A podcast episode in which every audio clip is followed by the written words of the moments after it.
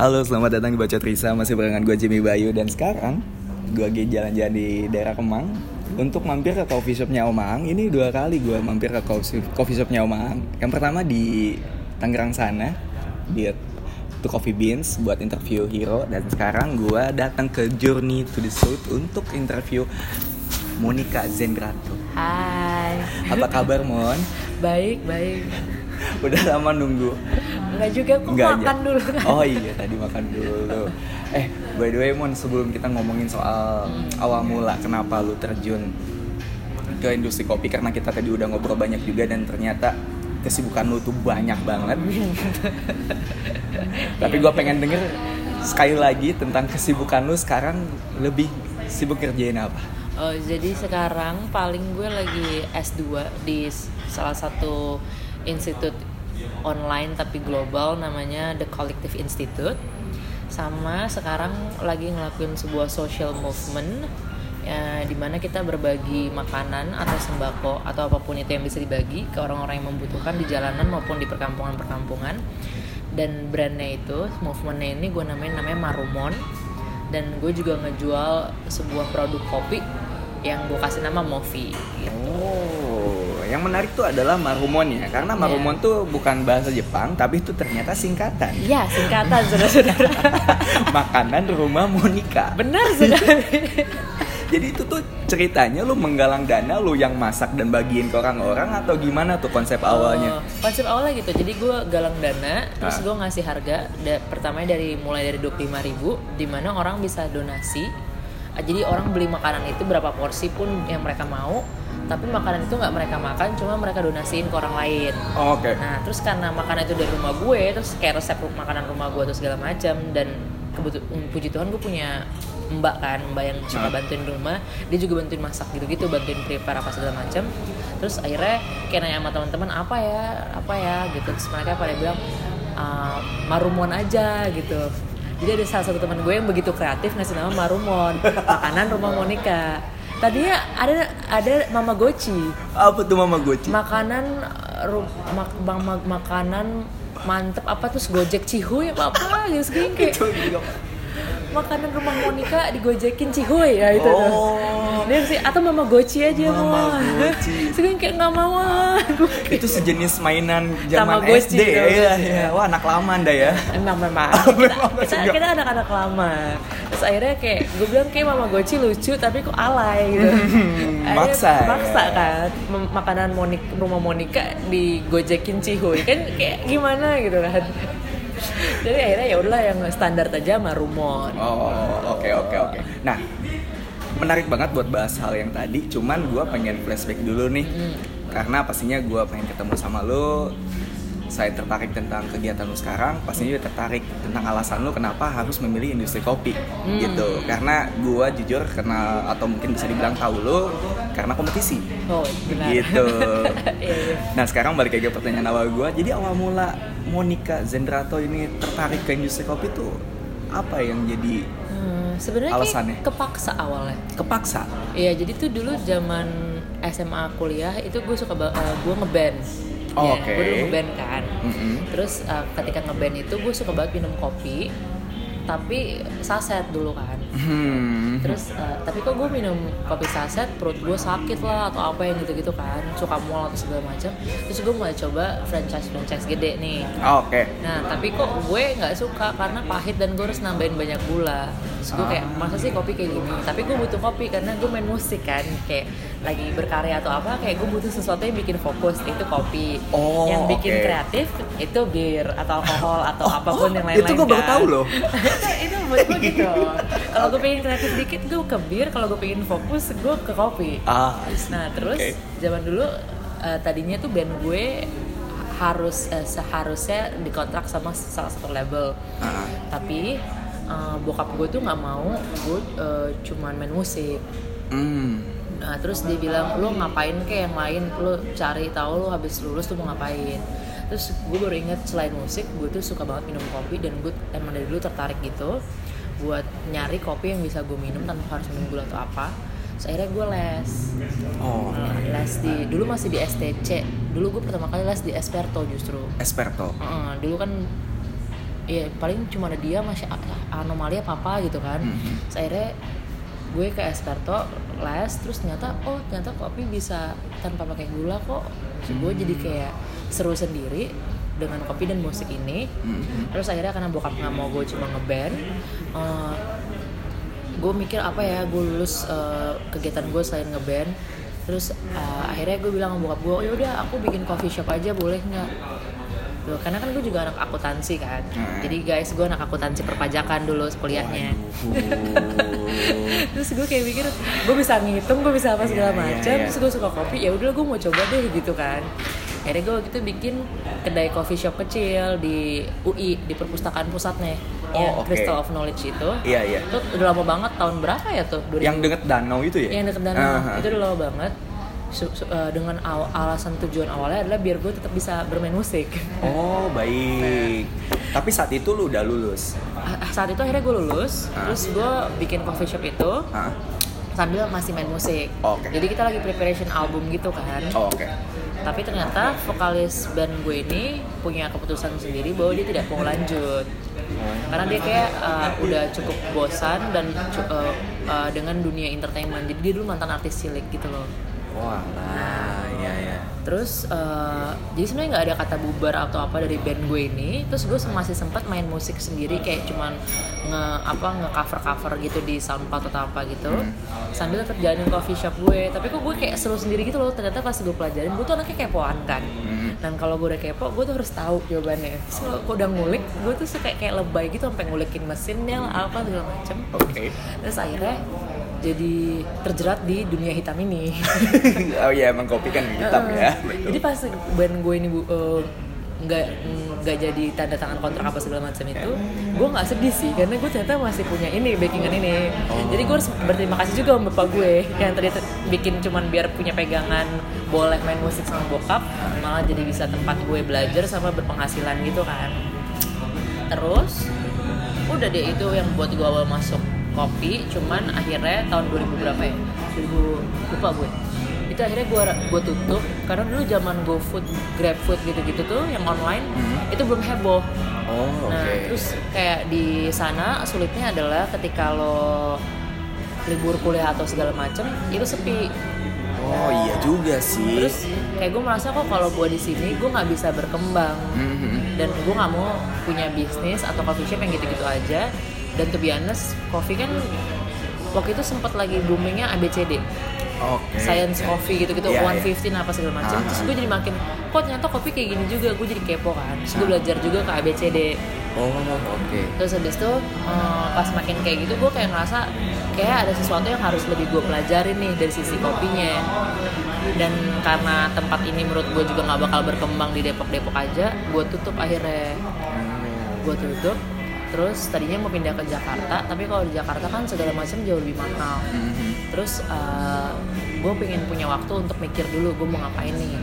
Selain belajar atau selain buka lagi atau apa. Akhirnya gue uh, sempat part time di ruang seduh Kemang. Oh. jadi tuh zamannya masih ada Yodi masih ada Foni masih ada Ivan gitu gitu gue sempet part time tiga bulan atau apa. Terus gue bilang sama Yodi kayak kayaknya gue uh, belum lanjutin movie dulu tapi gue pengen full time tapi nggak di sini. Karena kayak gue butuh sesuatu yang uh, lebih dan gue juga pengen kompetisi atau segala macam jadi gue pengen belajar lebih dalam lagi soal dari sisi kopinya sama gue pengen ikut kompetisi gitu kan. Terus uh, Kayot bilang eh ini lo kenal Arif Said nggak sih? Terus gue bilang siapa tuh? Karena gue tuh bener nggak tahu siapa-siapa di Iya, dunia iya. kopi kan. Dan gue tuh secuek bebek itu gitu loh Iya, iya, iya.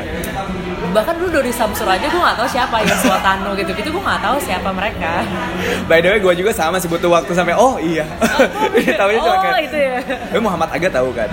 nggak tahu juga Nggak tahu juga. gue nggak tahu siapa pun Iya, iya, gitu iya. ya Oh, iya, iya. mereka ini mereka ini oh gue cuma gitu doang nah terus kayak bilang si Arif Said ini mau uh, punya namanya Gordi Hmm. subscription coffee gitu coffee subscription. Jadi dia jelasin apa segala macam. Terus gue kayak eh kok lucu juga? Ada ternyata ada company yang ngasih lo langganan kopi. Gue suka konsepnya dia gitu. Nah ternyata dia Pak Arif ini mau bikin sebuah headquarter yang ngumpulin home brewers karena kan emang targetnya Pak uh, Gordi ini adalah home brewers kan terus uh, dia butuh orang yang ngerti tentang operasional atau segala macem. Terus kebetulan gue bisa kan? Hmm. karena gue sempat ngurusin coffee shop gue juga atau apa gitu-gitu. Terus kayak Yodi bilang coba aja ke sini. Terus uh, gue kirim CV nih ke Yodi di forward sama Yodi ke Pak Arif. Terus dipanggil sama Pak Arif. Terus kayak ngobrol apa segala macam ya gue cerita background apa bla bla bla kenapa masuk kopi juga terus alasannya apa segala macam dan gue tertarik gitu kan dulu Gordi belum masih sepi banget yang masih open bar apa segala macam. Terus habis interview dia bilang ya udah mulai besok atau dua hari lagi bisa kerja nggak? Gitu. Oh baik. oh ya udah oke. Terus dia kayak nanya salah satu alasan lo apa di dunia kopi? Gue mau ikut kompetisi tapi gue maunya manual brewing nggak mau nggak mau barista gitu.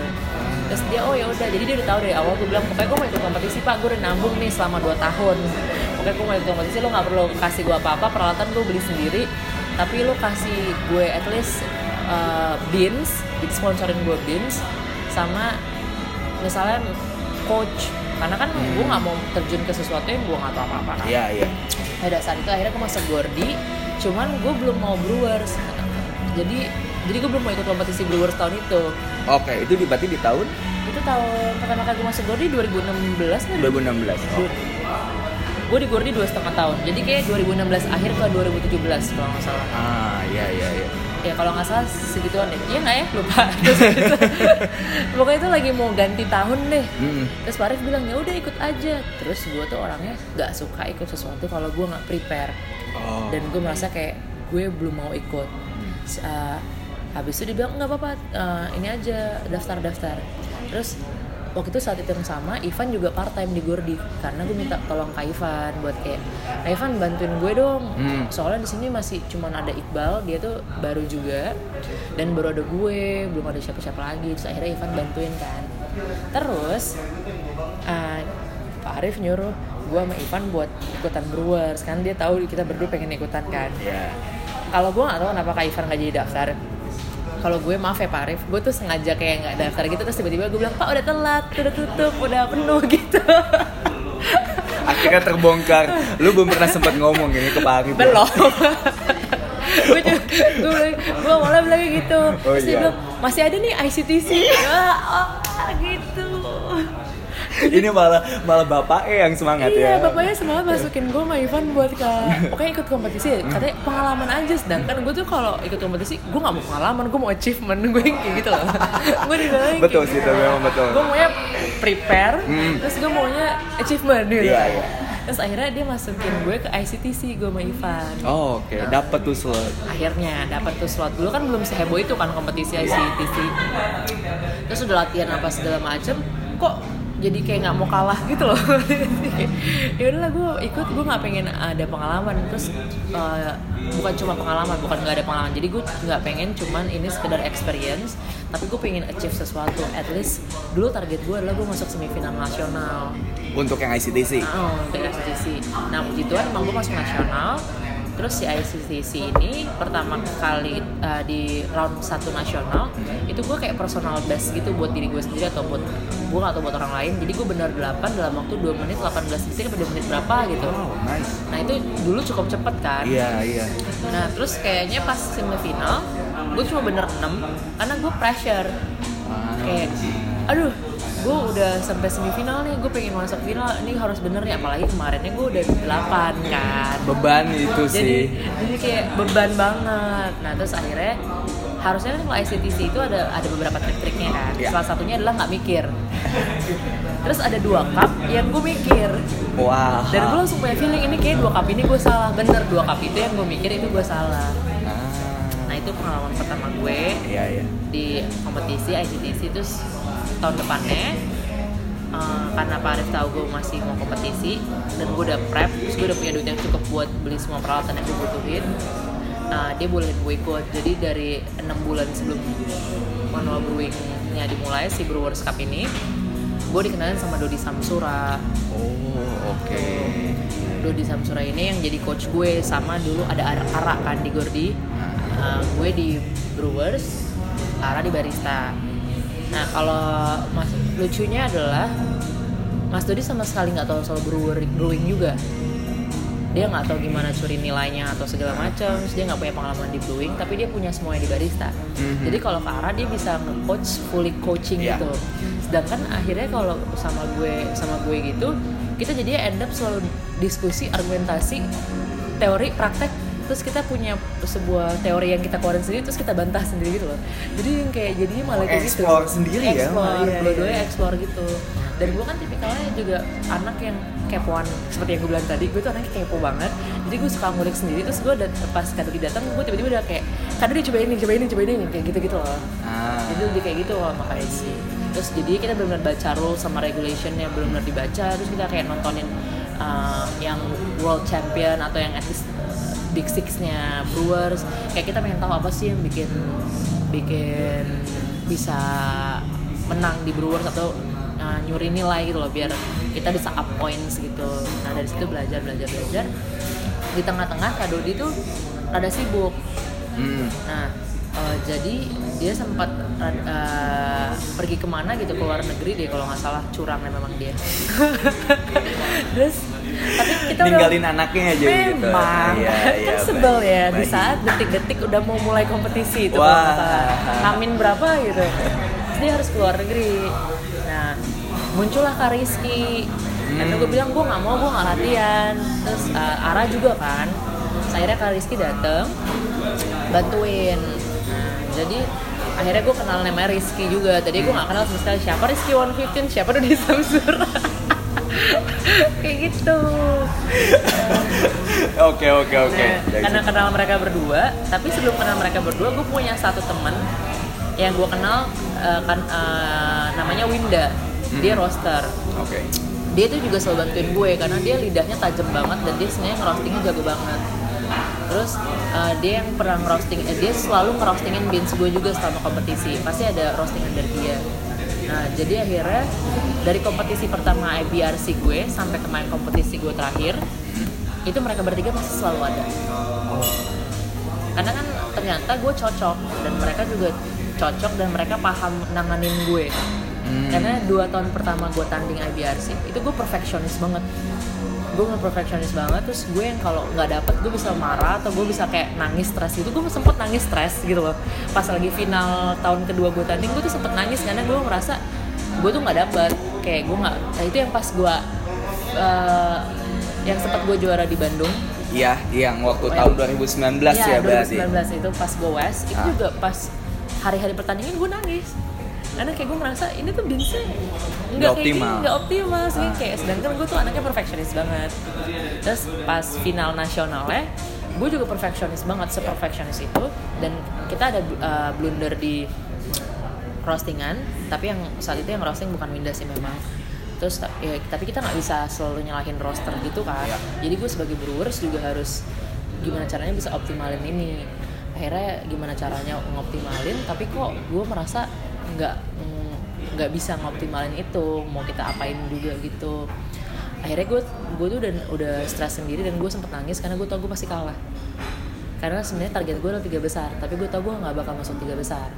Di tahun 2019. 2019 itu. Tapi kan gue nggak boleh tampil dengan mental gue udah kalah duluan kan Iya. jadi masang poker face aja tuh selama di belakang panggung di panggung Iya, iya, iya. Kayak gitu tapi Karena pas lu udah dapat tahu nilainya gue nggak seshock itu Oh, karena lu udah bisa, Mbak. karena gue udah tahu dari latihan gue pasti Iya. udah bakal dapat rasa ini rasa ini rasa ini Hmm, hmm, hmm. Oke oke. Nah. Berarti eh, sebelum lebih jauh lagi, gue tuh sebenarnya dari tadi agak sedikit penasaran nih momen di mana lu tertarik sama kompetisi. Maksud gue ketika cewek Oh. masuk ke dunia barista aja itu udah sesuatu hal yang jarang. Ketika di tahun mungkin 2016, gue tuh bisa dikatakan. gue tuh nggak tahu dulu kalau misalnya cewek jarang jadi barista Oh iya, balik lagi, balik lagi ya. Karena lu nggak tahu dunia luar kayak gimana. iya jadi gue kayak bodo amat Tapi, tapi lu tertarik kompetisinya gimana tuh? oh gue nonton Sasa Sestik Oh. Jadi kan gue anaknya saking bener-bener kepo banget, gue sih cari-cari video kopi kan. Ah. Terus gue nonton Salsa Sestik. Terus habis itu pas nonton Salsa Sestik, oh ternyata kopi itu udah kompetisinya. Terus gue cari-cari lagi, eh ternyata ternyata di Indonesia tuh ada. Oh, di situlah momennya. Terus gue kayak mikir, eh gue pengen banget nih ikut barista, eh tapi kok barista mahal gitu. Banyak yang di prepare dan kayaknya lebih mahal. Iya, gitu. iya, iya, iya. Terus uh, di saat habis dari ABCD ABCD ABCD ya pokoknya dari ABCD Iya. itu gue jadi tertarik sama brewing brewing sama brewing karena di kelas dia kan ada kelas brewing Ya. kan nah itu gue gue jadi tertarik karena kok ternyata manual coffee manual brewing coffee kopi hitam gitu jauh lebih bisa gue nikmatin dibandingin gue minum americano long black atau apa gitu kan terus dan lebih gampang dilatih karena gue bisa latihan di rumah terus segala macam ngulik sendiri jadi akhirnya kayak ada nggak ya kompetisi brewers terus gue nggak search lagi oh ternyata ada gitu. Iya ya. Dan balik lagi ke statement gue yang tadi di tahun 2016 mungkin bisa dikatakan barista cewek bisa ya dihitung jari lah beda sama sekarang gitu. gitu ya? Banyak banget gitu. Dan kayaknya orang-orang kayak mikir eh, cewek barista. Nah waktu dulu ketika lu jadi barista agak susah nggak sih ngimbangin kerja cowok kan biasanya kadang Enggak cowok- sih. Kalau Enggak. mau puji Tuhan enggak sih. Mungkin Ah. karena gue juga anaknya suka olahraga jadi agak kuat dikit. Agak kuat dikit. Tapi tetap mereka jauh lebih kuat. Iya. Cuman enggak sih. Oh. Dan puji Tuhan dulu gue punya uh, staff yang uh, apa ya karena mereka tahu gue cewek walaupun mereka tahu gue bisa ngangkat galon bisa bersihin apa pun gitu Iya. mereka yang kayak eh jangan jangan gitu Oh. biar gue oke. aja gitu Oh, tapi iya. kalau nyapu ngepel angkat kursi masih tetap gue lakuin tapi kalau yang sampai lebih berat-berat banget mereka yang lebih yang kayak jangan jangan lah kita aja kita aja gitu Ah, I see. Tapi kalau misalkan bisa dihitung sekarang udah berapa lama lu nggak ngebar? gue selalu ngebar sih kan Selalu yang ngebar? Pas gue bikin marumon ini Oh iya. gue bikin gue punya coffee bar sendiri di rumah Ah, I see. walaupun Iya, iya, mesinnya iya. mesin kecil juga Oh oke oke oke oke. Gua kira lu udah nggak ngebar lupa gua punya. Oh. Movie itu ya. Hmm, tapi di Gordi gue sempet nggak ngebar satu tahun lebih deh kalau nggak salah di Gordi karena uh, abis uh, apa ya pas Gordi udah mulai berubah jadi kafe Ah. gue sempet bilang sama Pak Arif bahwa tujuan gue ke Gordi itu bukan ngelola kafe. Gitu. Gue pengen sesuatu yang lebih gue pengen belajar soal kopi gue pengen belajar soal company running company. Di mana kan konsepnya dia dulu adalah subscription yang gitu-gitu kan. Dan dia punya divisi divisi D2B juga. Oke. nah terus akhirnya gue dipindahin ke office. Ah. jadi kan tadi gue masih off, gue antara office sama antara di bar karena gue masih operations kan. Akhirnya gue dipindah iya iya iya iya iya. Nah balik lagi ke kompetisi. hmm. Nah kompetisi eh, gua baru baca juga di tahun 2018 lo- 2018 lu semifinal di nasional, Iya. 2019 juara satu di barat dan juga tujuh ya, Iya, tujuh di di nasional dan tahun kemarin dapat juara tiga. iya itu kebetulan puji Tuhan ya lu ngelihatnya gimana progres lu dari tahun 2017 eh sorry 2018 sampai 2020 Hmm, mungkin gugupnya sama-sama gugup. Bukan gugup sih lebih tepatnya excited. Oke. Karena kalau buat gue kalau gue bilang nervous atau gugup gue agak sedikit meminimalisir kata-kata itu karena buat gue konotasinya negatif. Oh jadi iya, itu bakal betul. ngaruh ke mentality gue kan. Jadi gue selalu bilang gue excited nih. Terus nah uh, terus uh, progres uh, pertamanya kan gue nggak tahu sama sekali kan soal kompetisi kan. Iya. kayak gue nontonin di video apa segala macam tapi kan gue nggak tahu behind the scene atau apa.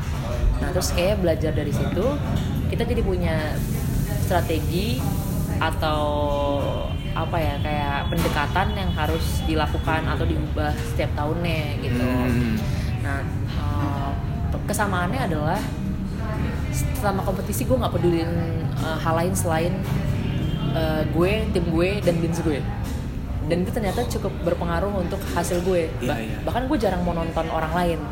ah, Kayak gue bener fokus sama apa yang ingin gue lakuin dulu. Sampai misalnya gue kalah atau sampai final udah kelar kayak gue udah main di final gitu. Iya. Itu baru gue berani ngelatin yang lain tuh.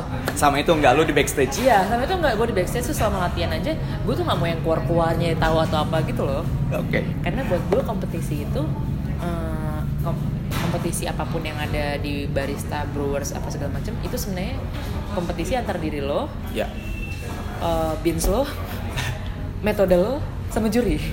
Jadi bukan bukan bukan sama orang lain gitu. Iya iya betul betul kalau gue. Tapi perbedaannya adalah ketika tahun terakhir mungkin tahun terakhir juga balik lagi karena gue lagi berusaha lebih mendekatkan diri secara spiritual dengan Tuhan atau orang lain bilangnya ngomongnya semesta gitu. Gue tuh jadi lebih apa ya comfortable lebih peaceful terus lebih at ease gitu loh. Gue tetap excited tapi lucunya adalah I'm feeling I felt so peaceful gitu Udah Oh. lebih menikmati Iya aja. jadi kayak gitu. lebih menikmati terus even if you if you ask Kak Dodi, Kak Rizky sama Mbak Winda sama ada satu lagi namanya Mas Sugeng mereka tuh bakal bilang gue beda banget di kompetisi, kompetisi terakhir kayak gue udah nggak seperfectionist dulu gue nggak gue nggak sampai yang nangis atau apa gitu-gitu terus gue yang lebih yang kayak kayak apa ya eh, kalau gue sih ngomongnya menyerahkan semuanya ke Tuhan gitu loh. Jadi gue tetap berusaha melakukan apa pun dengan tim gue untuk kita bisa menghasilkan sesuatu yang uh, bagus dan bisa disuguhkan ke juri. Tapi hasilnya kayak gimana, gue kasih ke Tuhan lagi. Dan gue sempat bilang gitu sih. Jadi gue berdoa gitu ceritanya. Bener-beneran berdoa bukan ceritanya. itu bohong. Kesannya gue kayak bohong gitu. iya, biar terkesan baik Nah, aja.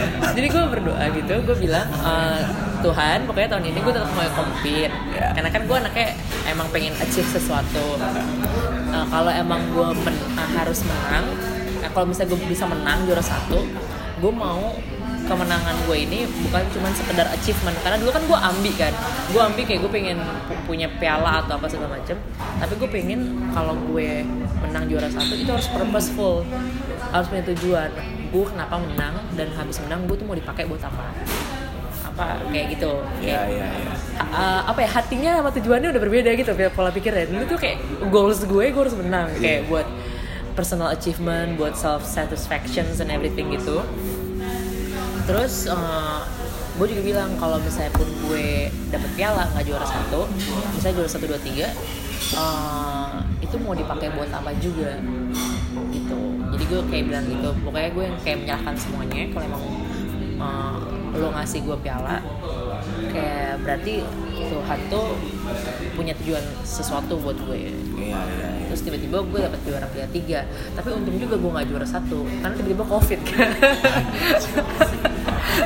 Tuh. Selalu ngambil sisi positifnya Selalu ya. ngambil sisi positifnya. Betul, itu dia. Nah menariknya lagi adalah tadi lu sempat eh, bilang kalau lu adalah seseorang yang perfeksionis gitu termasuk dalam kompetisi. Dan menurut gua ketika lu perfeksionis terus mendapatkan hasil yang sesuai dengan ekspektasi lu, otomatis bisa besar kemungkinan pastinya kecewa. oh iya bisa pasti Nah, gimana caranya lu untuk mengelola rasa kecewa itu atau mungkin bisa dibilang buat kayak yang awalnya ya gua nggak tahu ya kalau lu mungkin ada beberapa orang yang ketika kompetisi kalah sampai akhirnya gua nggak mau deket-deket dulu sama ini karena gua udah kecewa banget. oh Nah kalau misalkan lu waktu mungkin di tahun 2018 bisa saya katakan karena di barat lu juara satu tapi ternyata untuk Oh, di 2019 kali. Ah sorry iya 2019. tapi di ini Nah, juara zona juara tujuh tujuh. Ya gue tuh agak aneh sih sebenarnya. Jadi tuh kayak gue ada resilience uh, terhadap failures. Mhm. jadi uh, buat gue ketika gue mengalami kegagalan pasti gue kecewa iya. Ya. selama berapa hari gue pasti ada bete atau yang kayak padahal gue udah usaha apa apalagi dulu gue perfectionist banget gitu kan. Tapi gue selalu mikir uh, apa why why bukan bukan bukan bukan why why why did I fail or why am I feeling this way? Why are God uh, why is God doing this to me? Tapi gue selalu mikirnya uh, what did God wants to teach me from these failures gitu loh. Nah terus uh, terus yang kayak kenapa gue gagal? Bukan uh, kenapa kenapa gue gagal? Alasannya tuh apa? Apa yang bisa gue perbaiki? So how do I can become better in the future if I want to compete again gitu. Jadi gue tiap dapat sebuah kegagalan entah itu kompetisi ataupun kom- bukan kompetisi paling parah sih kompetisi kan. Karena gue udah berapa tahun pasti gue nggak pernah achieve juara satu. Itu gue selalu mikirnya gue kurang di mana nih? Gue harus perbaikin apa? Kalau gue pengen maju lagi juara satu. Gue sih selalu kayak gitu sih. Dan kalau emang belum belum menang pasti ada ada alasan positifnya gitu Iya iya iya. Nah tapi kalau misalkan ngomongin soal tahun kemarin, eh tahun kemarin sama tahun ini sih 2020 sekarang ya? 2020 tahun iya, ini. Tahun Oh, ini. Kalau- lupa, di Covid ya. iya iya tahun ini sorry. Kalau ngomongin soal tahun ini, lu dapat juara tiga, berarti otomatis di tahun depan itu bakalan ada rasa, eh, bukan bakalan ada, tetap ada rasa penasaran buat ikutan lagi di tahun depan. ada sebenarnya Ada. Nah, karena sebenarnya salah satu goals gue kalau personal goal ya, Ya. itu sebenarnya gue pengen ada di top 6 world sebenarnya. jadi gue tuh kayak nggak pengen berhenti sampai gue at least juara satu di Indonesia terus gue ke world gitu kalau bisa di world gue pengen top 6 gitu kan Amin. amin kan pengennya Ya, ya, ya, ya, ya. Itu masih tetap jadi rasa penasaran lu Hmm, untuk sebenarnya rasa penasaran tapi kalau emang tiba-tiba ntar ada kompetisi tapi belum dapat slot misalnya Lagi-lagi itu yang Iya jadi kan, kendala slot. ya. ya berarti gue disuruh istirahat dulu kali kan kan kompetisi mahal Balik lagi, ambil poin positifnya. karena tahun 2020 itu Ah. sebenarnya gue nggak dapet slot awalnya Ah. jadi gue nunggu satu setengah jam dulu Nunggu satu setengah jam dulu. iya pas nggak dapet slot tuh gue sedih banget karena gue udah prepare dari tahun lalunya kan Iya, iya, iya, iya, iya. terus eh, pas pas satu jam satu jam 29 menit gue refresh terus gue bilangnya yang kayak ya udah berarti ambil positif aja kalau gue nggak dapet juga slotnya berarti gue istirahat ya. jadi gue nggak perlu maksain ternyata pas refresh slotnya dapet Oh iya. jadi kayak oh berarti emang ada tujuannya nih gue ikut kompetisi apa ya gitu nah dari situ gue udah mikir pasti ini ada sesuatu kenapa gue tetap harus ikut Ya, ya, ya, ya, ya, ya. Karena emang di tahun itu pun gue ngelihat ada beberapa updatean kayak if aja nggak dapet kalau nggak salah ya. If tuh bukannya dia nggak mau kompetisi ya? Nggak tau deh, maaf ya If Iya, gue lupa deh. Pasnya dia update kalau dia nggak dapet. Kan ada beberapa lah kayaknya. Anaknya deh kalau nggak salah Anak-anak CG tuh nggak eh, nggak dapet semua yang Brewers Yang timnya oh iya mungkin dia mau daftarin karena udah standby berapa laptop gitu dia. Iya Kan Oh, ada yang dari itu ya? Sen Al Eh, Sen Alnya ada nggak ya? Tapi Sen Solid Lab ada, Common Hmm. Ada Hmm. Soalnya gue dari tahun pertama gue tanding Ya. Itu pasti kalau bins luar negeri Bins internasional maksudnya bins luar negeri Bins internasional Gue pasti ke Common Grounds Oh, Hmm, jadi gue udah build up uh, relationship with uh, Ko Daryanto gitu-gitu dari tahun 2018. Nah, makanya pas 2020 gue nanya sama Ko Yanto sama Miki sama Yosi uh, gimana Brewers nggak ada yang ikut nih gitu dari dari CG nggak ada yang dapet. Iya, iya, iya. Nah, kalau ngomongin soal barista lagi, gue sebenarnya concern satu dua bisa dibilang dua hal lah ketika ngomongin soal barista cewek. Hmm. Yang pertama adalah mungkin ada stereotype atau beberapa customer yang udah skeptis duluan ketika kopinya dibuat sama barista cewek. Mm-mm. Karena lebih kayak "Ah, cewek yang buat kasihan. Itulah rasanya. Hmm. Lu pernah nggak ngalamin itu atau mungkin em, gue nggak tahu kalau behind my back ya tapi Iya. kalau depan gue ada beberapa customer dulu pas zaman gue ngebar di coffee shop gue atau Gordi karena Ah. kalau di RSK kan gue nggak lama kan ngebarnya itu malah justru nyari gue buat bikin espressonya atau manual brewingnya gitu ah, even kayak kalau kado dia sama Rizky ke atau Mbak Winda gitu-gitu ke Gordi hmm. itu mereka minta dibikin kopinya sama gue kayak enakan punya Monica gitu Oh. jadi kayak agak beda deh tergantung beda. sih ya. Iya iya iya iya iya. Dan terus ada satu hal lagi nih.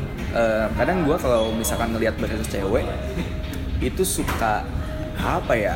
Karena ini kejadian juga di titik temu. Jadi mungkin agak sedikit catcalling atau mungkin sexual harassment mungkin ada kayak Oh. gitu-gitu. Kebetulan gue nggak pernah dapetin itu, karena gue tipikalnya tuh kalau sama customer eh, apa ya gue ngasih attitude atau vibe di mana lo tuh nggak nggak bisa ngapain gue kayak eh, lo tuh nggak bisa main-main sama gue gitu loh Oh, jadi udah kayak pasang Iya, bandir jadi saya. kayak vibe-nya tuh beda gitu loh. Jadi kalau emang dibandingin sama beberapa barista cewek lain yang pernah ngebar bareng gue, Ah. mereka yang lebih sering digodain, tapi kalau gue tuh enggak. Jadi gue yang kalau di bar tuh yang kayak yang gitu loh. Yang kayak masang diri gue tuh yang kayak udah gue tuh orang berpendidikan pertama kedua eh, lo jangan coba-coba eh, godain gue atau catcalling gue atau sexual harassment gue karena gue bisa balas karena gue orangnya berani gue berani yang kayak langsung gitu. langsung gitu Wow. atau bahkan kayak kadang kan cus- customer customer tercinta kita ini banyak yang suka memperlakukan staff gue atau gue kayak babunya mereka kan Iya. nah gue tuh bisa yang ngadepinnya beda gitu loh. Ah. jadi gue jarang diperlakukan sebagai babu justru. Oh, jadi iya, iya. jarang banget ada yang kayak gitu ke gue. Ada satu cerita mungkin yang lu inget nah customer lu yang mungkin oh banyak yang suka teriak-teriak atau apa terus yang kayak yang kayak ayo mau ini dong pesan padahal ordernya di depan atau apa. Terus yang kayak mereka kayak kurang menghargai para barista yang gitu gitu terus ada sempet gue lupa dia nyolot atau ngapain gitu gue tegur kan. Nah jadi dulu itu di Gordi gue paling sering dipanggil sama Pak Arif sebenarnya Iya, karena iya, kalau iya. di F&B kan sebenarnya customer service adalah kita menurut mungkin menurut beberapa orang kita harus melayani para pelanggan dan mereka memperlakukan kita seperti Iya. apa pun Kita harus tetap minta maaf. iya minta maaf mereka selalu benar nah gue tuh orangnya nggak bisa deh gitu Iya, iya, jadi iya. tuh gue merasa gue nggak bisa diperlakukan tidak adil dan staff gue nggak boleh diperlakukan tidak adil ya jadi tuh gue suka yang kayak wow gitu suka yang kayak bisa negur atau apa gitu loh dan muka gue kan resting bitch face gitu kan. Jadi langsung tanpa senyum tuh? Emang langsung bisa tanpa senyum. Jadi gue bisa bisa setegas itu Iya, gitu. iya, iya. nah uh, dan gue uh, bos gue tahu sih Pak Arif gitu gitu tahu sebenarnya bukan gue yang salah. Dan terkadang kan customer kalau udah sebel nulis review juga lebay kan padahal kejadiannya nggak kayak gitu gue bilang sama Pak Arif juga ada beberapa kejadian yang nggak kayak gitu Ya. tapi uh, kayak misalnya nongkrong bersepuluh atau berdua puluh misalnya satu teh tawar atau es teh manis ya gue tegur dong iya terus kayak uh, dan Iya, mereka iya. berisik atau Iya, apa iya. yang gitu-gitu terus Iya. ngeganggu customer lain atau yang kayak teriak-teriak atau apa gitu-gitu dan kejadiannya nggak selebay apa yang ditulis ka- customer atau nggak sele- sele- selebay apa yang disampaikan customer ke para owner atau apa gitu Betul. Dan mereka sebenarnya tahu cuman kan namanya juga uh, kita tuh pekerja kita tuh pemberi jasa dan pemberi Iya. produk mereka kayak bilang kayak gue harus Iya. lebih Lebih bersabar menerima, atau iya. menerima sedangkan emang gue da- pada dasarnya adalah lo tuh nggak bisa memperlakukan gue tidak adil gitu. Iya iya iya iya iya. Betul sih ini mirisnya industri ini sih bisa dibilang. Emang. Industri. Dan gue percaya bukan cuma di coffee shop atau di cafe kayak kita sih, pasti yang di franchise gede lebih parah lagi. Bakal lagi. Apalagi kalau mereka udah punya nama kan. Wah itu sih mainannya udah bukan dipanggil lagi, mungkin bisa di cut Mungkin. langsung supaya si customernya pun ngerasa puas dan akhirnya narik reviewnya dia. iya, biasanya kan kayak gitu pak. Iya iya iya. Tapi karena puji Tuhan karena gue pernah sering mengalami dan pernah merasakan masa industri F&B sebagai pekerja di lapangan. Jadi gue lebih menghargai orang lain ketika gue datang ke kafe atau apa gitu loh karena gue tahu rasanya jadi mereka juga pasti enak. itu dia betul betul betul. Ketika close order udah tahu aja itu berarti tandanya lu harus beneran udah cabut. Iya, gitu. yang kayak gitu, ayo cabut yuk. Iya, gitu. jadi- Dan misalnya kalau lagi rame, terus teman setable gue, misalnya teman-teman gue yang kayak udah marah-marah Ya. berbuat, terus gue yang biasanya yang lebih negur. Gua mah kalau misalnya sama keluarga biasanya nyokap yang nggak sabaran. Hmm, bener. kan padahal ya Allah itu waiternya lagi pada sibuk semua gitu Gitu, ya. kayak gitu, apalagi lagi covid kan. Ya. Ya, lo pengertian dikit lah, mereka pasti banyak yang dikat juga cuy. iya iya iya iya iya. Aduh. Memang industri kita ini ya. Betul, itu dia. Nah, kita lompat dari perbaristaan dan juga perkopian. Hmm. Mungkin gue sedikit penasaran dengan tadi kan lu sempat bilang Mm-mm. ketika lu terjun jadi barista pun kayak lu belum tahu itu siapa Dodi Samsura. Maaf Kak Dodi. sampai akhirnya ketika ketemu oh, Oh iya. iya, lo di Samsura. Jadi bisa dibilang ya lu kayaknya menikmati dunia lu sendiri Hmm. gitu ketika eh, lu mungkin di luar perbaristaan ini sendiri atau pekerjaan lu. Nah, tapi kalau misalkan ketika lu waktu dulu sekolah apakah emang lu orang yang pendiam seperti itu kamu? gue sebenarnya nggak pendiam sih, gue tuh sebenarnya berisik. Tapi eh, gue tuh bawel atau berisik atau jadi ekstrovert di beberapa orang yang gue nyaman dan gue kenal baik. Ah, iya iya iya Gitu. iya. iya. Terus kalau di dunia F&B ya mau nggak mau gue harus ramah gitu kan, lebih Hmm, ramah. hmm. Jadi gue lebih mengeluarkan sisi itu. Terus eh, apa ya? Lebih tepatnya mungkin gue tuh orangnya cuek, bodoh amat gitu loh.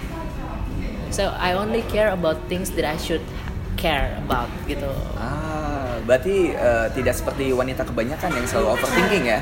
Eh, Atau iya juga ternyata? Enggak juga sih. Oh, enggak juga.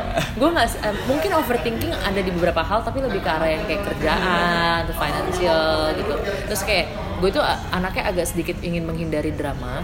Jadi gue kalau misalnya it's too toxic atau apa juga gue udah ngekat yang gitu gitu loh. Oh. atau sometimes gue tahu gue lagi unhealthy atau uh, myself being toxic juga buat other people gue tuh juga yang udah langsung narik diri gitu. Biasanya dan gue sebodoh amat itu dan gue blunt by the way. Dan mostly uh, buat beberapa orang gue tuh di, dipikir harsh ya gitu dan dan gue orangnya bisa bedain antara professional work sama private works jadi kayak bisa jadi gue being blunt and harsh to other people about professional things Ya. tapi mereka bawa baper gitu loh Itu susah sih itu. itu emang susah Susah banget. itu emang susah, banget. tapi gue kebetulan nggak peduli jadi habis itu mereka nya baper mereka yang merasa punya masalah sama gue gue nya biasa aja Iya iya iya iya. iya. biasanya kayak gitu Tapi lu menyadari, lu lu seperti menyadari, itu ketika. gue menyadari, Oh, iya. sangat menyadari. Tapi gue kayak gak peduli, bodo amat. dari dulu, dari dulu banget. Iya, iya. tapi emang seharusnya seperti itu kan. Karena itu dua hal yang berbeda lah, profesional dan juga personal. Hmm. Yes. Tapi kadang kebanyakan orang kayak nyampurin itu gitu. ya. Kebanyakan orang. Atau mungkin bisa jadi ketika gue lagi unhealthy, gue juga bisa jadi melakukan itu. Bisa jadi. Mhm. Kan gue juga lupa-lupa ingat itu ya. Tapi mostly sih gue banyak disebelin sama orang karena gue terlalu blunt. Gara-gara gue tuh nggak bisa ngerem apa yang ingin gue omongin. Jadi gue omong-omongin aja gitu. gue orangnya kayak gitu. Tapi mending kayak gitu gak sih sakit di awal tapi ya sebenarnya di belakang juga kita udah nggak ngomongin lo lagi karena udah Iya, keluar depan. sebenarnya tapi kan banyak yang tidak peduli Iya. karena kan kayaknya budaya kita tuh dari dulu memang lu harus berbahasa basi dan berbaik hati di depan Eh, Nah. iya. ya betul sekali. Nah, yang menarik lagi adalah ketika lu ngeband, eh lu ngeband megang apa dulu? gue dulu megang gitar gue gitaris gitar. dulu Ah, dan band lu genrenya itu. dulu kita ngomongnya no jazz pop no jazz pop gitu jazz pop. eh jadi dulu kita nggak mau se heavy Andin Oke. jadi kita, eh, kita paling dan kita nggak bisa se heavy Malik karena kita juga masih umur 20-an kan Aha. 20 20 awal Iya. jadi kita ngambil tengah-tengah jadi paling kita nggak seremaja hi-fi dulu musiknya Oke. tapi juga nggak sedewasa Malik jadi kayak tengah-tengah kayak paling kayak Abdul gitu-gitu Oh, baik ya. nah dulu tuh gue hampir uh, kontrak sama Cats Record Oke. jadi dulu masih ada di Stara kan Aha, aha. nah di Stara tuh ngebawain empat label Iya. Platinum yang ada Andin gitu-gitu Ah. Cats Record dulu ada Abdul tapi juga ada Cherry Bell dulu masih zaman Cherry Bell terkenal guys Baby cuy, itu kan iya, sih. iya yang kayak gitu-gitu. Terus ada dua lagi, gue lupa dia label apa gitu. Salah satunya ada label Rohani. Hah? Nah pas, jadi gue punya uh, produser gue ini bawa kita ke uh, ketemu sama bosnya di Stara.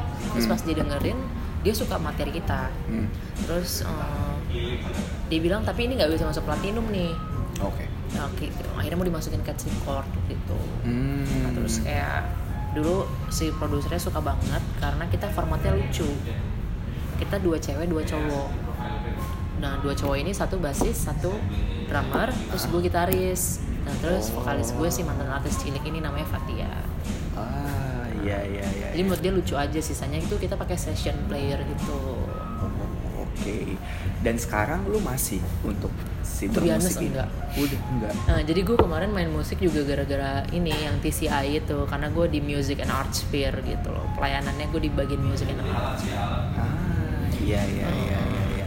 Nah lanjut ke yang di situ, Hmm? kita mungkin nggak sedikit ngebahas soal kesibukan lu yang ternyata lagi ngambil S2 Iya. Tadi kan kita udah sempat eh, Uh. kayaknya singgung di awal ya, Uh. kayaknya udah sempat singgung di awal. Lu sambil ngambil S2 dan selain itu juga lu ngurusin Marumon. Terus juga ada movie juga Uh. gitu. Kayaknya banyak banget nih ibu ngerjain. Ah, sok sibuk aja. Biar ada kegiatan. Orang lain tuh selama covid tuh mungkin banyaknya Netflix ya kan, atau Ah. mungkin rebahan di kasur ya kan. Tapi ibu malah nyari kesibukan. Karena gue tuh kayak kayak gue tuh gue tuh orang yang kalau dalam satu hari gue nggak achieve sesuatu, gue tuh nggak puas gitu loh. Gue merasa gue being so unhealthy. Iya, iya, If, iya. if in one day I didn't achieve, if, if in one day I didn't achieve anything, gue tuh merasa unhealthy. Iya iya iya. Dengan lu nggak ngelakuin apa pun itu malah bisa jadi lu malah sakit ya. Iya malah kayak gue lemes gitu. Ah. Jadi gue sempet sih kayak misalnya ada satu hari atau dua hari yang emang gue spare waktu me time gitu, nggak ngapa-ngapain. Tapi pasti paginya gue harus olahraga. Jadi gue punya morning ritual soalnya. Dan itu harus itu harus gue lakukan. Oh nice. Tuh. Secapek apa pun lu. Iya, pokoknya gue pasti harus morning ritual. Ah iya iya. iya. Dan sekarang balik lagi ke S2 lu. Jadi boleh ceritain sedikit tentang Nah. S2 yang lagi lu ambil sekarang. Oke, jadi dari dulu pas zaman gue masih di Gordipun, gue bilang sama Pak Arif butuh mau S2 bisnis. Ah, ah. pengen banget gue pengen bisnis manajemen karena gue pengen build up a company dulu belum tahu mau company apa tapi gue pengen pokoknya pengen bikin bisnis eh, pengen bikin sekolah, bisnis aja Ya. tiba-tiba eh, pas gue lagi mulai berkegiatan di gereja apa segala macam ada namanya The Collective Institute. Hmm. dia dinaungi sama gereja ini juga. Di gereja gue namanya The Collective The Collective Jakarta. Nah kebetulan The Collective Institute ini terafiliasi terafiliasi afiliasi afiliasi afiliasi. Afiliasi. afiliasi ya. Apa sih? Udah sok pinter Keceletot aja itu. Iya. pokoknya mereka having a partnership lah Iya. affiliation bahasa Inggris lah dan bahasa Indonesia susah oh my god Monica bikin malu mereka tuh ada affiliation Eh, Oke. sama Global University Hmm. di uh, Global University ini di US USA jadi gue ngambil S2 nya part time jadi kayak bener panggilan aja kayak gue tuh tinggal balikin formulir buat sekolah S2 tadi gue pengen di Parasmo karena gue pengen sambil kerja gue pengen tetap dapat duit kan. Iya iya iya. terus kayak gue tuh galau tiba-tiba kok gue kayak pengen banget ke sini ya The Collective Institute padahal gue gak tahu apa yang gue expect untuk kayak padahal gue gak punya ekspektasi apa pun di tempat ini dan gue gak tahu tempat ini tuh kayak apa. Karena dia benar-benar baru banget. Gue tuh tahun eh, gue tuh murid batch kedua. Karena mereka benar-benar baru banget. Oke oke. terus eh, gue nanya-nanya sama eh, the previous director namanya Sarah. Gue nanya sama Sarah apa segala macam. Terus gue tahu nih pasti nggak ada hubungannya sama bisnis sama sekali tapi ternyata dia ada hubungannya dengan leadership dan community. Tapi at that time juga gue kayak nggak punya ekspektasi apa apa jadi gue masuk masuk aja dengan uh, sebe- benar-benar alasan gue masuk adalah cuman obeying uh, yang menurut gue kayaknya itu yang Tuhan mau buat gue gitu loh karena I see. ketika gue udah mulai mau mencoba balik lagi gue gue bukan religius guys. Gue tuh sama sekali nggak religius dan gue sempat uh, nggak percaya sama nama agama. Tapi gue itu pengen having a relationship dan mature spirituality with God. Nah gitu. Terus habis itu gue kayak merasa kok gue sangat apa ya terganggu apabila gue tidak masuk ke tempat ini. Belum sampai kepikiran. Akhirnya gue memutuskan gue bilang bahkan bilang bokap nyokap gue aku ikut sekolah ini nih Christian Leadership and Community Ministerial gitu-gitu. Jadi gue agak belajar teologi juga tapi nggak full cuman dikit doang. Terus mereka juga pada shock karena mereka taunya gue bisnis kan. Terus mereka yang kayak hah? Hah? Kok tiba-tiba lo aktif di gereja? Kok tiba-tiba uh, ikutan kayak ginian? Nah akhirnya gue ikut dan gue ikutnya yang untungnya di TCI ini dia juga ada yang kayak flexi class jadi gue bukan full time ikutin kelasnya mereka. Hmm. maksudnya bukan full time sebagai mahasiswa tapi gue bisa flexi part part time fleksibel yang kita, mereka ngomongnya flexi. Flexi program tapi gue tetap S2 jadi gue ngambil sphere class sphere class of influence gitu. Jadi yang kayak uh, ada pastoral Mhm. ada leadership communications sama music and art communication gue mager banget. Karena gue anaknya nggak aktif sosmed terus gue anaknya sangat tidak pintar berkomunikasi dan malas dengan namanya relationship. Oke. pastoral eh, gue gak mau jadi pastor.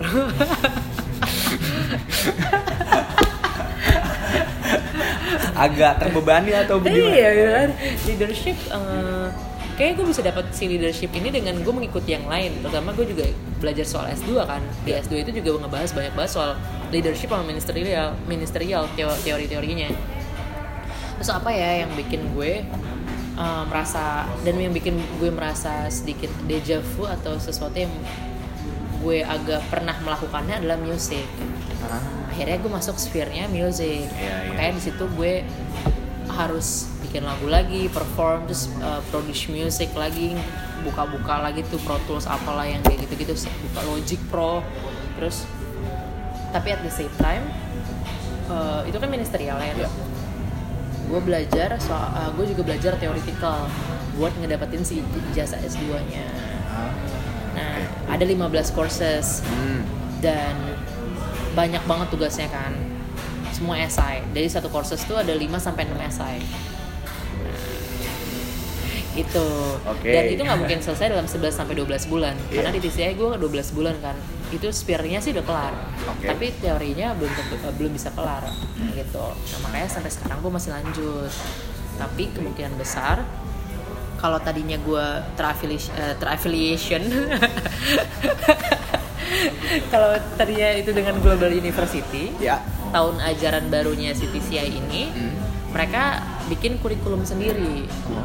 Jadi ada new director namanya Tara. Jadi Tara ini juga tadinya adalah salah satu TCI students. Hmm. tapi dia punya track records yang panjang banget dengan educational global global ministry global education global leadership gitu-gitu. Kalau lo mau mau kepoin soal dia namanya Tara Suba Oke. kepoin aja Baik. lo pasti bakal amazed dia sama nih cewek tapi sayang dia bukan industri kopi Wah. Eh malah itu menariknya loh, Nah, karena itu. beda, beda industri beda kan. tapi lo bakal wow banget sih sama nih cewek Oke. dia bikin sebuah kurikulum baru dibantuin sama beberapa orang namanya Craig Hansen sama Christy. Christy oh, mereka uh, sama satu lagi Grace kalau nggak salah buat bikin sebuah kurikulum baru. Yang lebih praktikal dan nggak terlalu banyak heavy reading atau segala macam tapi juga bisa untuk S2. Hmm. Nah, terus akhirnya mereka partnership dan teraffiliation lagi dengan University of Res- Graduate in Research, Research apa gitu, gue lupa dia apa. Terus uh, akhirnya kurikulum base-nya itu juga diterima di di approve sama UK apa apa gitu kayak gue agak nggak paham deh. Karena mereka kan lo global university uh, global education gitu kan. Iya, iya, iya. jadi kemungkinan besar gue bakal transkrip nilai ke yang baru dibandingin di Global University. Karena uh, mereka lebih compact, lebih praktikal dan kayak lebih giving back to community. Karena namanya jadi community leadership.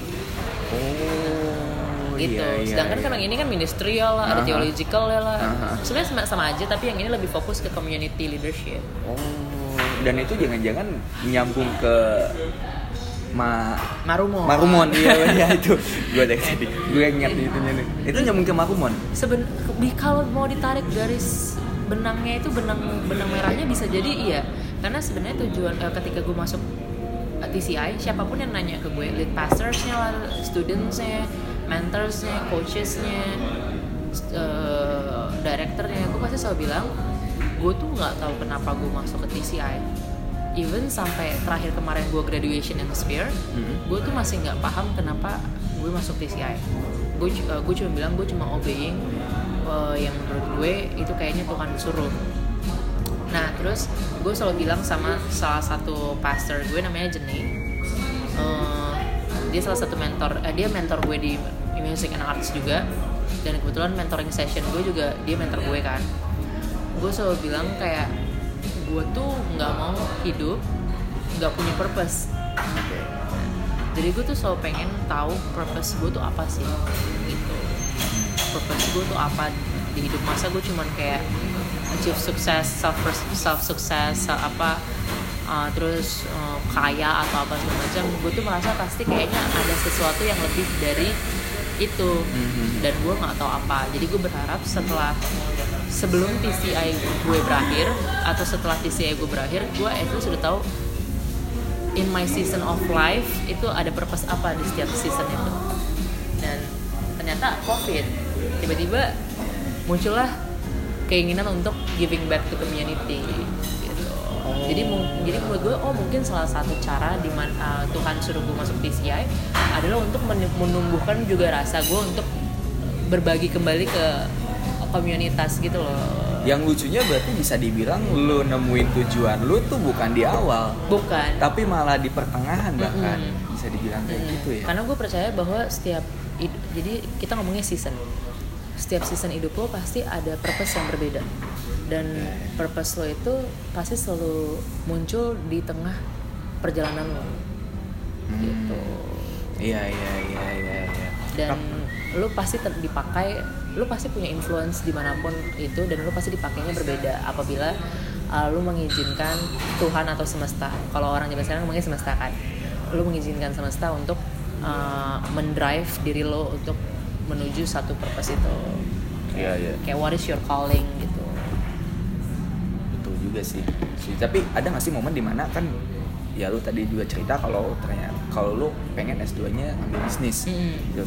Taunya ya karena satu dan lain hal pada akhirnya ambillah si TCI ini. Mm. ada momen gak di mana ka, lu kayak meragukan pilihan lu? Gitu. Setiap hari, setiap hari? Setiap hari justru. Gue setiap hari tuh kayak ngapain sih gue ya, tapi abis itu tetap lanjut gitu. Sebenarnya setiap hari gue tuh kayak mempertanyakan tujuan gue tuh ngapain ya? Kayak leadership tuh sebenarnya gue bisa belajar eh, apa ya kayak hands on gitu based on experience sama kayaknya juga gue bisa baca buku gitu. Tapi uh, salah satu benefit yang gue baru sadari ketika gue sudah menjalani TCI dan setelah gue selesaiin spear kelasnya ini adalah gue ketemu orang-orang yang emang punya hati uh, hati yang sebaik itu yang yang gue aja sampai bingung ternyata ada orang kayak mereka di dunia ini sepositif itu segiving back itu ke community di sphere of influence mereka masing-masing uh. dan punya leadership uh, leadership skill yang ternyata bukan cuman bawaan dari lahir tapi mereka asah mereka asah based on uh, based on experience based on books based on mentorship and everything dan uh, tanpa gue sadari orang-orang ini menginfluence diri gue yang tidak gue dapatkan di secular world di dunia kita yang punya kerja kayak gue nggak pernah merasakan yang kayak namanya having a leaders yang beneran leaders atau di mentor sama orang-orang yang benar-benar leaders gitu loh. tuh yeah, yeah, jadi yeah. itu kayak kayak gue baru menyadari itu bahwa kayaknya kalau mau menjadi leader yang baik memang harus seperti ini gitu. Dan sering berjalannya waktu ketika lo ada masuk di TCI itu hmm. akhirnya lo terpikir untuk bikin si Marumon. Hmm. pernah ada momen gak di mana kayak eh gila gue bikin Marumon nih. Kayaknya kalau tiga tahun kemarin atau tiga tahun ke belakang gue nggak akan mungkin oh nggak akan. Karena gue anaknya profit banget wow. Wow. Even bokap nyokap gue bingung tiba-tiba gue bikin marumon. Semua teman gue bingung. Terus gue kalau teman dekat gue gue pasti akan bilang ah, panggilan. Gue cuma bilang itu panggilan men gue nggak tahu lo percaya percaya gue atau enggak itu panggilan. Tapi mereka percaya karena mereka tahu gue dulu nggak percaya sama sekali sama religion. Oh, kayak emang gue iya. terlahir sebagai orang Kristen. Gue ke gereja segala macam gue ngikutin bokap gue atau segala macam tapi buat gue agama tuh bullshit. Ah. Jadi itu benar-benar kayak panggilan aja. Kayak ternyata emang di diri gue tuh ada suatu kerinduan di mana kok gue pengen dekat dengan Tuhan tapi nggak base cuma soal agama aja gitu. Kayak mau secara spirituality gue pengen lebih punya relationship with him gitu. Tapi kalau buat orang lain gue kadang suka bingung mau jelasin Iya iya iya ya. Itu menjawab sih. Ketika kita ketam, pertama ketemu terus ngobrol ngebahas ini, gue kayak oh ini orangnya sosialis sekali sepertinya. Tidak. Tapi semua teman gue tuh yang kayak lo apaan sih? Turning pointnya lo inget nggak apa gitu? Pasti ada kan mungkin kayak slap gitu tiba-tiba. Tahun lalu tuh tiba-tiba gue tuh kayaknya stres banget. Gue tuh nggak depresi. Hah? Untungnya nggak nyampe depresi tapi gue stres. Terus gue tuh um, kayak ngerasa hidup gue tuh mau ngapain sih sebenarnya tujuannya apa?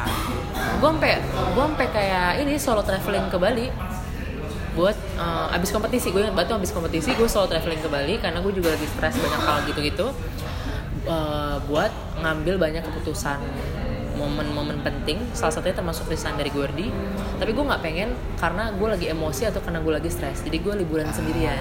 Iya iya nah di situ tuh kayak gue so cigong ada namanya cigong tuh latihan pernafasan apalah gitu hmm. yang dibalikin banyak gitu gitu oh, terus okay, gue jalan-jalan sendirian ah. ke, uh, terus habis itu gue dulu tuh jarang berdoa tuh Dianas jarang banget. Terus jadi dulu gue berdoa tuh kayak transaksional gitu loh. Dulu gue kayak gitu. Oke okay, oke. Okay. nah terus ada di satu sisi yang di mana yang kayak masa sih hidup gini doang gitu? Terus kayak gue tuh mau ngapain sih? Sebenarnya uh, Tuhan tuh ada nggak sih? Sebenarnya apa sih segala macam terus ada satu satu saat di mana gue benar-benar diem terus nggak tahu kenapa gue kayak berdoa karena kayaknya itu adalah salah satu cara di mana gue bisa berkomunikasi dengan semesta. Terus gue nangis.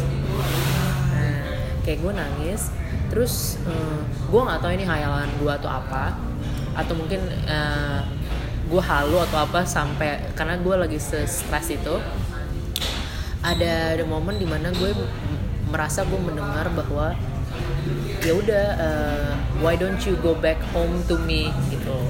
Jadi gue kayak merasa kayak kayak lu kayak kesannya lagi berantem sama bokap lo terus kayak lo nggak mau pulang lo kayak uh, se, se gengsi itu untuk pulang terus bokap lo cuma bilang ya udah sini pulang aja gitu.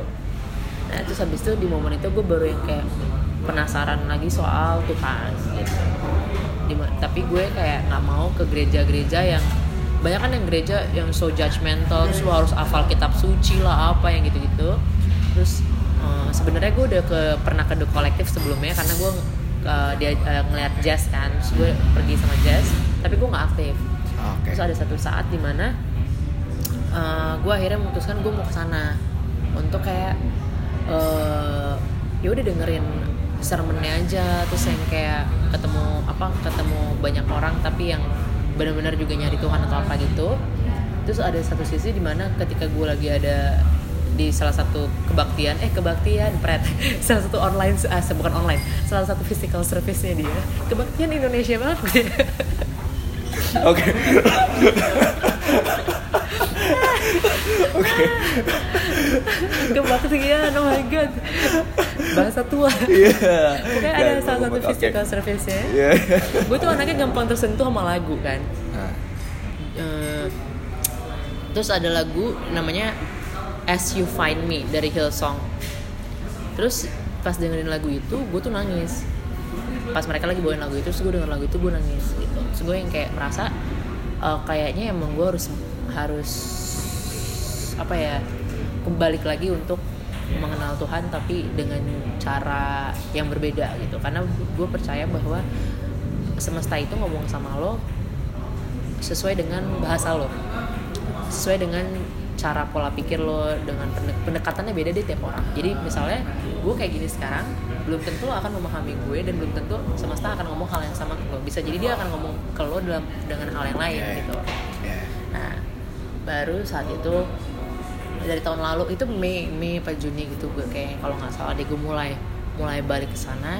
Dan kebetulan gue ketemu sama dua orang namanya Gap sama Dita. Dan mereka banyak ngajarin gue sih dan kayak banyak ngasih tahu gue banyak hal soal eh, gimana caranya untuk eh, lebih dekat sama Tuhan. Nggak perlu lo dengan ngafalin satu alkitab atau apa. Tapi gue baca sih tapi pelan pelan gitu loh. Nggak yang gue harus ngafalin terus segala macam salah satunya dengan baca buku devotional. Terus yang paling gue inget adalah em, Dita apa Gaps ya? Kayak Gaps deh yang ngomong ke gue to receive the new you is to forgive yourself. Hmm. Ya ya ya ya ya. gue awalnya nggak ngerti tuh. Selama lama gue akhirnya ngerti bahwa gue emang harus forgive myself and then I have to love myself more gitu dari situ terus baru tiba-tiba mulai sep sebelum September Agustus atau apa tiba-tiba PCI ya gitu Oh, di situlah momennya. Nah, Berarti bisa dikatakan ketika lu solo traveling itu yang ke Bali itu lu bisa di ya kasarnya di situ pintu gerbangnya lu udah ketemu lah. ya itu kayak udah udah ngintip pintu gerbang Iya, tapi iya. belum mau masuk kayak gitu Oh, oke. Itu udah menjawab semuanya lah yang Iya. terjadi sekarang pada Tapi kalau orang dengerin juga pasti apaan sih lo gitu. Karena mereka tahu banget, semua teman dekat gue pasti tahu banget kayak gue tuh anaknya dulu nggak segitu banget mah agama. Sampai sekarang masih sih. Kayak tapi ya udahlah. Udah beda, tujuannya beda. Sekarang bukan agama tapi soal spiritualitas sekarang. Ah, I see. Ya ya ya. Tapi ngomongin soal Marumon, Hmm. eh, menarik banget karena di situ lo bisa dibilang itu adalah social movement juga, Hmm. gitu kan? Karena di situ lo ngumpulin orang-orang yang pengen berdonasi untuk, ya pada akhirnya lo sal- salurkan lah Hmm. ke orang-orang yang emang lagi butuh. Mm-mm. Nah ini akan berjalan sampai kapan? Atau akan terusnya Hmm. terus berjalan si Marumon ini? Gue sih pengennya seterusnya. Hmm. Jadi gue pengennya sebenarnya bikin sebuah company yang menaungi Marumon sama Movi. Movi itu untuk brand kopi atau beverage-nya, Marumon tuh lebih untuk kayak makanan sama social movement-nya sebenarnya. Tapi kan untuk mencari mendanai itu semua tidak mudah kan. Ya. Jadi gue memutuskan kemungkinan besar terakhir nih September ini gue ngelakuin Marumon. Eh, project terakhir gue bareng Marum- Marumon itu namanya Break Every Chain. Ah, Oke. Itu itu yang gue kolaborasi sama TCI, uh, WCC Jakarta, Women Cycling Community, sama WeCare, WeCare.id. Di mana kita bakal ngelakuin 10.000 km challenge gitu, 20 pesepeda, untuk ngedapetin si 10 ribu tadi. Terus aim kita adalah 100 juta sebenarnya. Nah tapi kita tahu 100 juta itu nggak mungkin kita dapetin dalam waktu sebulan kan? Ya. Jadi kita buka dulu 25 juta kita berharap 25 juta itu tercapai dalam waktu sebulan. Tapi uh, even though 25 juta itu nggak tercapai even though kita belum dapat 25 juta 100 juta atau berapapun itu misalnya kita cuma dapat sejuta 2 juta 5 juta kita bakal tetap berusaha untuk komit menyelesaikan 10.000 km challenge. Karena kan building trust to other people kan yang paling susah kan? Iya betul setuju jadi kita mau build trustnya adalah lo mau ngasih duit atau enggak kalau kita bilang kita akan komit ngelesain ini Ya. kita pasti nyelesain karena kita want to give back to people juga Hmm. karena si break every chain ini adalah untuk ngasih donasi makanan juga ke orang-orang yang membutuhkan sembako sama habis itu uh, scholarship scholarship buat programnya TCI three months leadership program gitu Ah, oke oke oke. Nah, kalau misalkan ada mungkin yang dengerin podcast ini dan pengen ikut donasi gimana caranya? Oh, uh, ada dua cara. Ah. Nah, pertama bisa lewat wecare.id Mhm. slash break every chain. Oke. B R E A K E V E E R Y Y itu apa? Y C H A I N. Ya. Nah, Break every chain. Ya, kedua itu sebenarnya transfernya ke rekeningnya TCI. Tapi kan kayak buat orang luar itu rada ribet kan. Jadi Mhm. makanya kita kalau buat eksternal lebih promote si wecare.id ini. Wecare.id dan juga kalau nggak salah ada di Gelu ya? Iya. Eh, di di bio. ada di bio sengaja ditulis jadi biar Oke. kalau orang pengen buka langsung nanti ada di bio gue gitu Hmm, iya ya, tinggal buka itu untuk ikut berdonasi juga ya. ya guys Batas akhirnya apa tuh? 16 September kalau yang di Wicare ya. Mulainya cuma dari 15.000 ribu kok 15.000 per kilometer. 15.000 per kilometer. Dan lu ikut entarnya. Eh, iya. Jadi Ah. gue salah satu pesepeda yang komit. Jadi itu tuh estafet gitu atau? Eh, jadi setiap cyclist yang setuju untuk membantu dan berkomitmen itu ditanyain lo komit bantuin kita berapa ra- ratus kilo? Ada yang 1000 kilo ada yang 1500 ada yang 500 ada yang 250 karena kita beda-beda cyclistnya jadi ada yang lifestyle yang kayak gue yang gue sana cuma buat olahraga seringan dan nyari sarapan Oke. ada yang emang mantan atlet Oh. ada yang emang advance cyclist Ah. gitu banyak artis juga di dalamnya guys kalau kamu mau tahu nanti tungguin saya pertemanan update ya sehat ya. Iya. Hashtag pertemanan sehat. nanti saya updatein siapa tuh artis-artisnya tenang tunggu tunggu tanggal mainnya Aduh, Monica udah beda pergaulannya terus sekarang. oh ten- tenang saya tidak kenal yang kenal orang lain Baik. saya cuma tahu aja mereka artis mereka seleb Tapi gak kenal juga. Nggak kenal. Gak kenal juga. yang penting mereka bantuin aja udah Nah, tapi bisa dibilang dari tadi lu cerita tentang kesibukan lu, apa yang lu lakuin akhir-akhir ini. Kayaknya emang banyak banget gitu. Kayaknya padat banget gitu dalam Hmm. sehari bahkan. Hmm.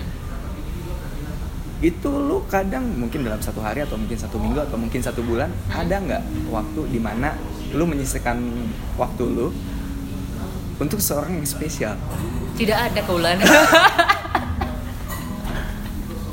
Gue bridgingnya udah panjang.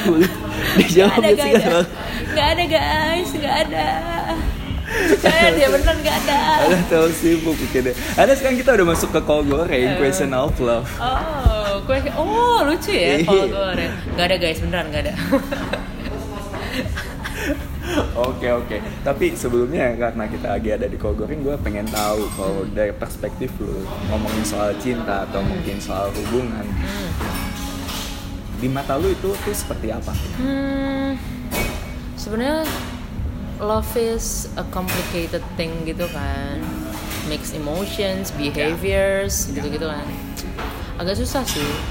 Tapi kalau hmm, buat gue tuh love tuh komitmen sama act of service plus unconditional. Terus unconditional. Jadi komitmen, act, act of service sama un- unconditional. Gue gak tau bahasa Indonesia ya apa, maaf guys. Gue cuma tau komitmen bahasa Indonesia komitmen. Duh, gue pun bingung ya, ya. mungkin ntar- bingung kan? Pokoknya paham lah kalian. iya iya iya iya. pokoknya tiga hal itu yang menurut lu kalau misalkan tiga hal itu ada di dalam satu hubungan seharusnya hubungan itu lancar-lancar aja Seha- bukan lancar sih, seharusnya hubungan itu bisa di- patut dipertahankan. patut dipertahankan patut dipertahankan dan bisa dipertahankan Tapi seorang Monica Zendrato, kapan terakhir kali berhubungan dengan Wendy's atau Berhubungan, dekat? Atau mungkin eh, pacaran? jadi ada kata pacaran gitu ya? Ya. percaya nggak kalau gue bilang gue tuh nggak pernah pacaran? Karena dulu gue punya komitmen issue. Dan gue punya trust issue dulu. Jadi Kenapa tuh? eh, gue tuh nggak suka dikekang gitu loh. Nah, Tapi kan nggak semua cowok kan. ah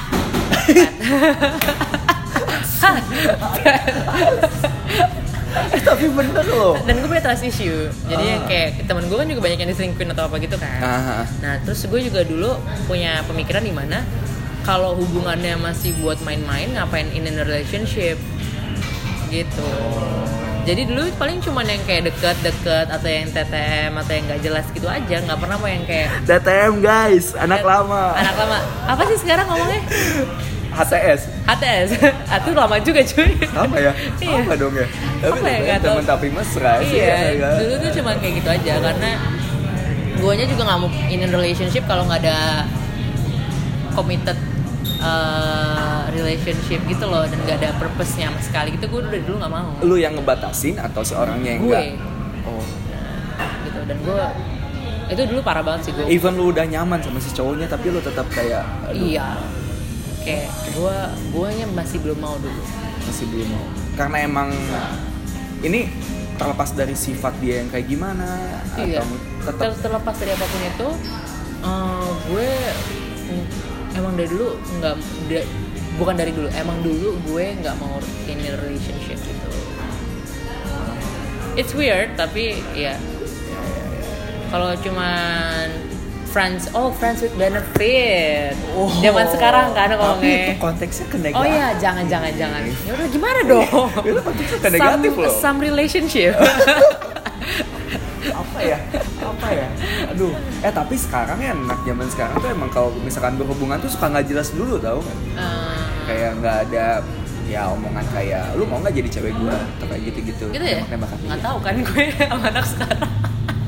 Juga sih nah tapi terlepas dari eh, apa ya bisa dibilang in the relationship atau apa pun Hmm. tapi kalau di mata lu seorang cowok itu seharusnya kayak gimana He has to love himself first.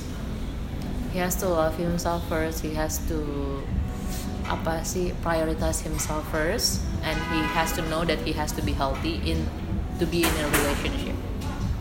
wow Buat gue itu pertama. Pertamanya banyak banget tapi ya ada tiga koma. oke. Ada anaknya sih. Oke oke. Itu yang yang yang menurut gue cowok harus bisa sih sama sekarang karena gue lagi mendekatkan diri ke Tuhan dan semesta gue juga pengen sebenarnya dia kayak gitu. Ah, iya iya. Harus merhatiin dirinya sendiri. Itu jarang loh. Maksudnya kan siapa sih cewek yang nggak mau diperhatiin? Bahkan banyakan cewek lebih milih kayak lu nggak usah merhatiin diri sendiri merhatiin gua aja. Enggak sih buat gue kayak lo pasti punya cita-cita lo pasti punya prioritas uh, dan gue mau lo juga bisa dapetin itu. Kita bisa jalan bareng-bareng kalau kita sama-sama healthy. Karena buat gue relationship itu itu kayak partnership dan saling percaya. Jadi ketika lo benar-benar love yourself prioritas yourself sama uh, apa namanya Uh, tadi gue tadi bilang apa ya? Love yourself prioritas Treat. yourself. Sama ya itu buat gue itu enak sih ngejalanin hubungannya. Iya iya iya. Karena dia nggak akan mungkin terpaksa ngelakuin sesuatu hal untuk pasangannya. Iya. Kurang lebih seperti Hmm, itu ya. pasti dia lebih genuine karena gitu. Dan dia udah healthy aja healthy in terms of mentality juga. Nah tapi kalau misalkan ngomongin suatu kegiatan yang emang lu suka atau mungkin kayak lu pengen lakuin bareng pasangan itu biasanya ngapain? olahraga Olahraga. nah, gue tuh selalu pengen punya cowok yang suka olahraga Ah, iya. either dia suka nge-gym either dia suka sepedaan atau apa gue tuh pengen bisa olahraga bareng Maupun pencak silat gitu misalnya. gue tuh sebenarnya tertarik uh, belajar pencak silat loh Muay Thai, pencak silat, nah, gue tuh tertarik banget guys ini kan, ini karena gua bilang gua pada akhirnya mengiyakan atau emang beneran? Tuh beneran. Dulu gue sempat belajar Krav Maga, dulu gue sempat belajar Muay Thai. Oh. Tapi sekarang udah nggak aktif, tapi pengen banget sebenarnya lagi. Tapi kan bayar gitu ya, mahal. tapi kalau ada cowoknya kan lumayan kan Ah, iya, belajar iya, iya. bareng gitu. Oh iya betul betul betul. Ada sparring partner ya. ya gue tuh soalnya gampang banget uh, interested interested ya bukan langsung falling in love gitu tapi interested sama cowok yang pertama smart.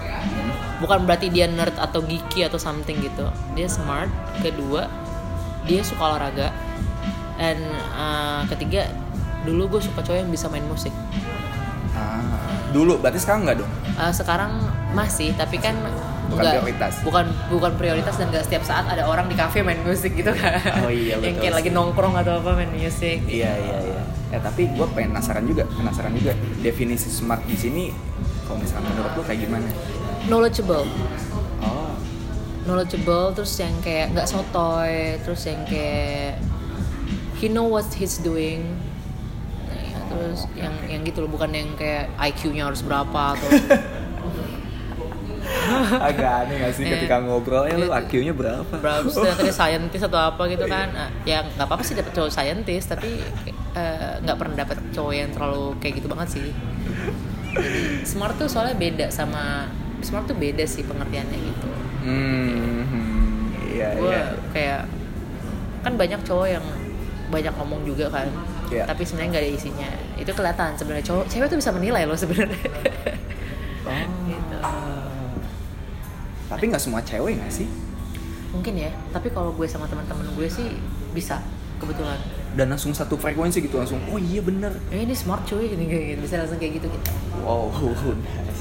Tapi kalau ngomongin soal pasangan, lu kayak ada nggak pasangan yang kayak ngebuat lu, wah gua pengen banget nih kayak si A sama si B?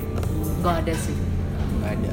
Oh iya betul. Balik lagi ya, karena ketika ngomongin soal kompetisi dan lain apa pun, lu lebih merhatiin diri sendiri ya, Emang. nggak ngeliat orang lain ya. Iya iya. Karena emang kayaknya aneh aja sih gue tuh dulu suka gue kayak suka John Mayer atau apa juga tapi gue nggak pernah yang se-ngefans itu Oh. nggak pernah yang sampai wah yang gitu-gitu loh Ah, cuman suka karyanya doang. Iya. Nggak sampai masuk ke personal life dia ya. enggak kayak kan ada orang-orang yang suka maaf ada orang-orang yang suka misalnya yang kayak Big Bang apa BTS 21 Blackpink gue juga dengerin tapi gue nggak nyampe yang bela-belain nonton konsernya teriak-teriak atau apa gitu John Mayer juga waktu kemarin datang nggak? enggak gue bukan tipikal yang sampai segitu ya banget anehnya tuh gitu dari dulu kayak gue juga nonton basket gue suka Michael Jordan gue suka Luka Doncic gitu gitu Ah, ah. tapi gue nggak yang sampai lebay banget gitu loh Ko koleksi kartunya misalnya Enggak. atau jersinya. gue nggak pernah sampai kayak gitu dari zaman gue main musik gue aktif olahraga gue nggak sampai Tapi ada satu hal mungkin yang emang lu deep banget untuk ngelakuin itu atau digging banget untuk hal itu. kopi sekarang kopi dulu musik kan dulu gitar kayak gue sampai dulu nyari tahu soal production eh, sama production music behind the scene itu gue sampai mau belajar banget gitu Mhm. tapi sekarang karena udah nggak terlalu fokus sekarang jadinya lebih ke kopi Tapi yang ngebuat lu tertarik sama musik apa tuh? dulu. Apa ya? Kayak nyokap gue tuh dulu pernah pernah lesin gue piano. Atau keyboard gitu ya piano deh kayaknya waktu itu. Tap- eh, terus gue nggak suka. Ah, terus iya. tiba-tiba gue ngeliat gitar. Terus ngeliat orang main gitar. Iya. kok itu apa ya? Alat apa ya? Gue kayak into banget gitu loh Sama ketika lu nontonin Sasa Sesti. iya udah gitu aja tapi gue nggak into ke orangnya Iya. cuman gue into ke bidangnya gitu Oh iya iya iya begitu. Iya iya iya. Tapi kalau ngomongin soal relationship lagi, Mhm. em, apakah seorang mau nikah kalau misalkan ternyata dekat-dekat ini ketemu sama orang yang emang mungkin bisa dibilang cocok sama lo, Hmm. Mau untuk berkomitmen atau kayak masih belum? Oh, kalau sekarang kalau dia juga sama-sama pengen komit dan punya purpose ini pacaran yang mau dibawa ke mana, gue iya sih. Hmm, sekarang ya, kalau dulu mah enggak. sekarang. Tapi sekarang pun gue lagi nggak deket sama siapa pun sih. Dan gue juga nggak maksain untuk deket sama siapa pun. Gitu. Karena banyak hal yang lo harus lakuin juga. Ya, dan kedua adalah kayak buat gue untuk menjadi utuh tuh bukan berarti gue harus punya pasangan. Buat gue ya, Iya, iya. buat buat gue tuh pasangan tuh adalah balik lagi partnership, bukan untuk sesuatu yang jadi utuh, tapi untuk having a partner ngelakuin apa pun bareng terus yang kayak berkarya bareng terus yang kayak ngedukung satu sama lain bareng-bareng bukan untuk membuat lo utuh gitu loh kalau buat gue dari dulu selalu kayak gitu. Menarik, menarik, menarik sekali. maaf Dan ya saya berbeda ya tidak terasa sudah satu jam lebih kita ngobrol. maaf guys Iya, tidak apa-apa. Terima kasih sebelumnya udah mau meluangkan waktu. Em, sukses terus buat karirnya pastinya. amin Buat S2-nya juga semoga lancar terus pastinya. Mungkin ada update lagi sebelum ke pertanyaan terakhir ya. Ada update yang main disampaikan? nggak ada sih Nggak ada. Hah? kayaknya nggak ada deh nggak ada nggak ada Oke untuk pertanyaan terakhir mungkin ya Hmm. satu kata yang menggambarkan seorang Monica Zendrato. Hmm, satu Eh atau enggak, enggak, enggak. Sorry sorry, bukan satu kata. Kalau misalkan diibaratin kopi, kopi ya Heeh. Monica Zendrato itu kopi apa? espresso Espresso. Kenapa tuh? karena orang nggak banyak yang suka espresso tapi ketika udah suka bakal hook up banget gitu sama espresso Wah. Thank you Mon. Sukses terus sehat terus sampai ketemu lain waktu. oke bye guys Cukup sekian bacaan untuk edisi kali ini. Sampai jumpa di bacaan selanjutnya. Bye.